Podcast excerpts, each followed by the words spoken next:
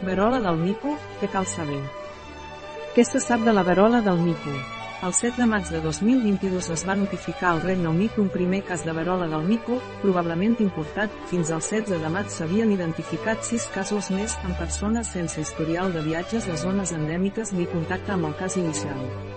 Tots ells en homes que tenen sexe amb homes, HSH. El 18 de maig Portugal va notificar 5 casos confirmats i més de 20 sospitosos de la malaltia, i també a Espanya es van confirmar els primers 7 diagnòstics, tots casos lleus i no hospitalitzats. Igualment, han aparegut al nostre país diversos casos considerats sospitosos en investigació, per exemple, la Comunitat de Madrid en va informar de 23.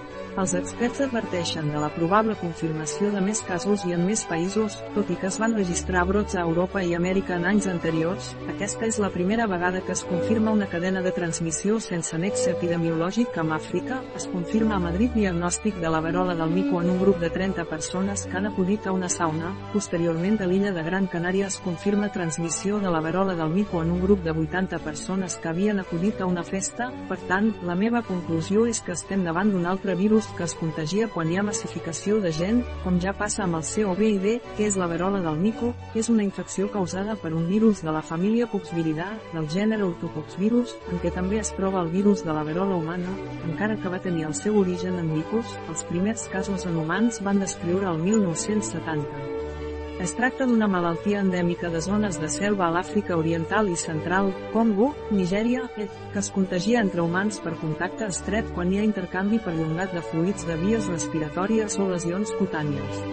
Ara com ara, no es considera una malaltia de transmissió sexual, després d'un període d'incubació de 7 a 14 dies, de vegades fins a 21, els símptomes inicials són febre alta, dolor intens al cap, d'articulacions i musculars, típicament a l'esquena, inflamació dels ganglis limfàtics i cansament. El signe més característic és una erupció cutània amb picor associat, que apareix després un menys 3 dies des del debut dels símptomes, amb butlofes que evolucionen fins a convertir-se en pústules i crostes que cauen, sol començar a la cara i es dissemina a altres parts del cos, incloent mans i peus i els genitals, la malaltia sol ser autolimitada i desapareix en dos menys 4 setmanes. L'OMS subratlla que la taxa de letalitat ha variat molt a les diferents epidèmies i s'estima entre un percentatge i el 10% segons els set consideracions a tenir en compte s'ha demostrat que un antiviral té potencial per frenar la verola del mico.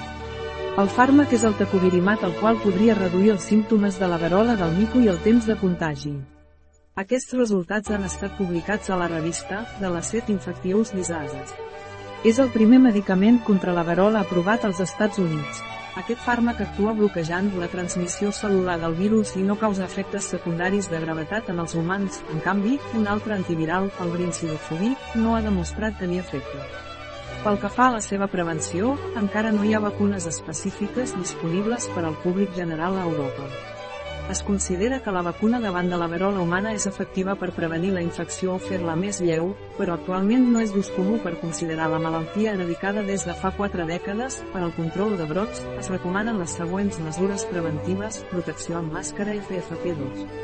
Els casos sospitosos o amb símptomes compatibles han de buscar atenció mèdica i aïllar-se als seus domicilis. Els seus contactes estrets han de minimitzar les interaccions socials i vigilar la seva possible aparició de símptomes.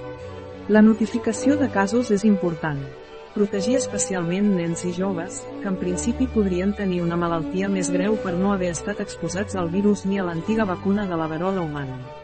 Evitar contactar amb animals que puguin ser vectors del virus, especialment d'aquells que tinguin simptomatologia o visquin en àrees endèmiques o qualsevol material que hi estigui en contacte.